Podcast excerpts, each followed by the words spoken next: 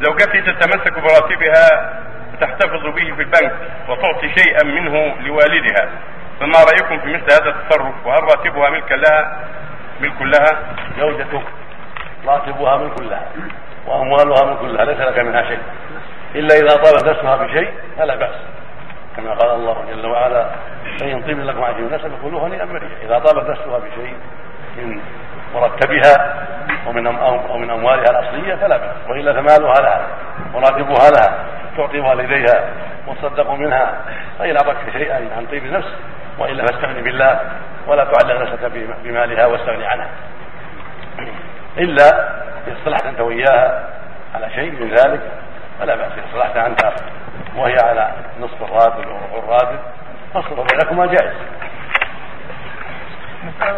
رضاها نعم.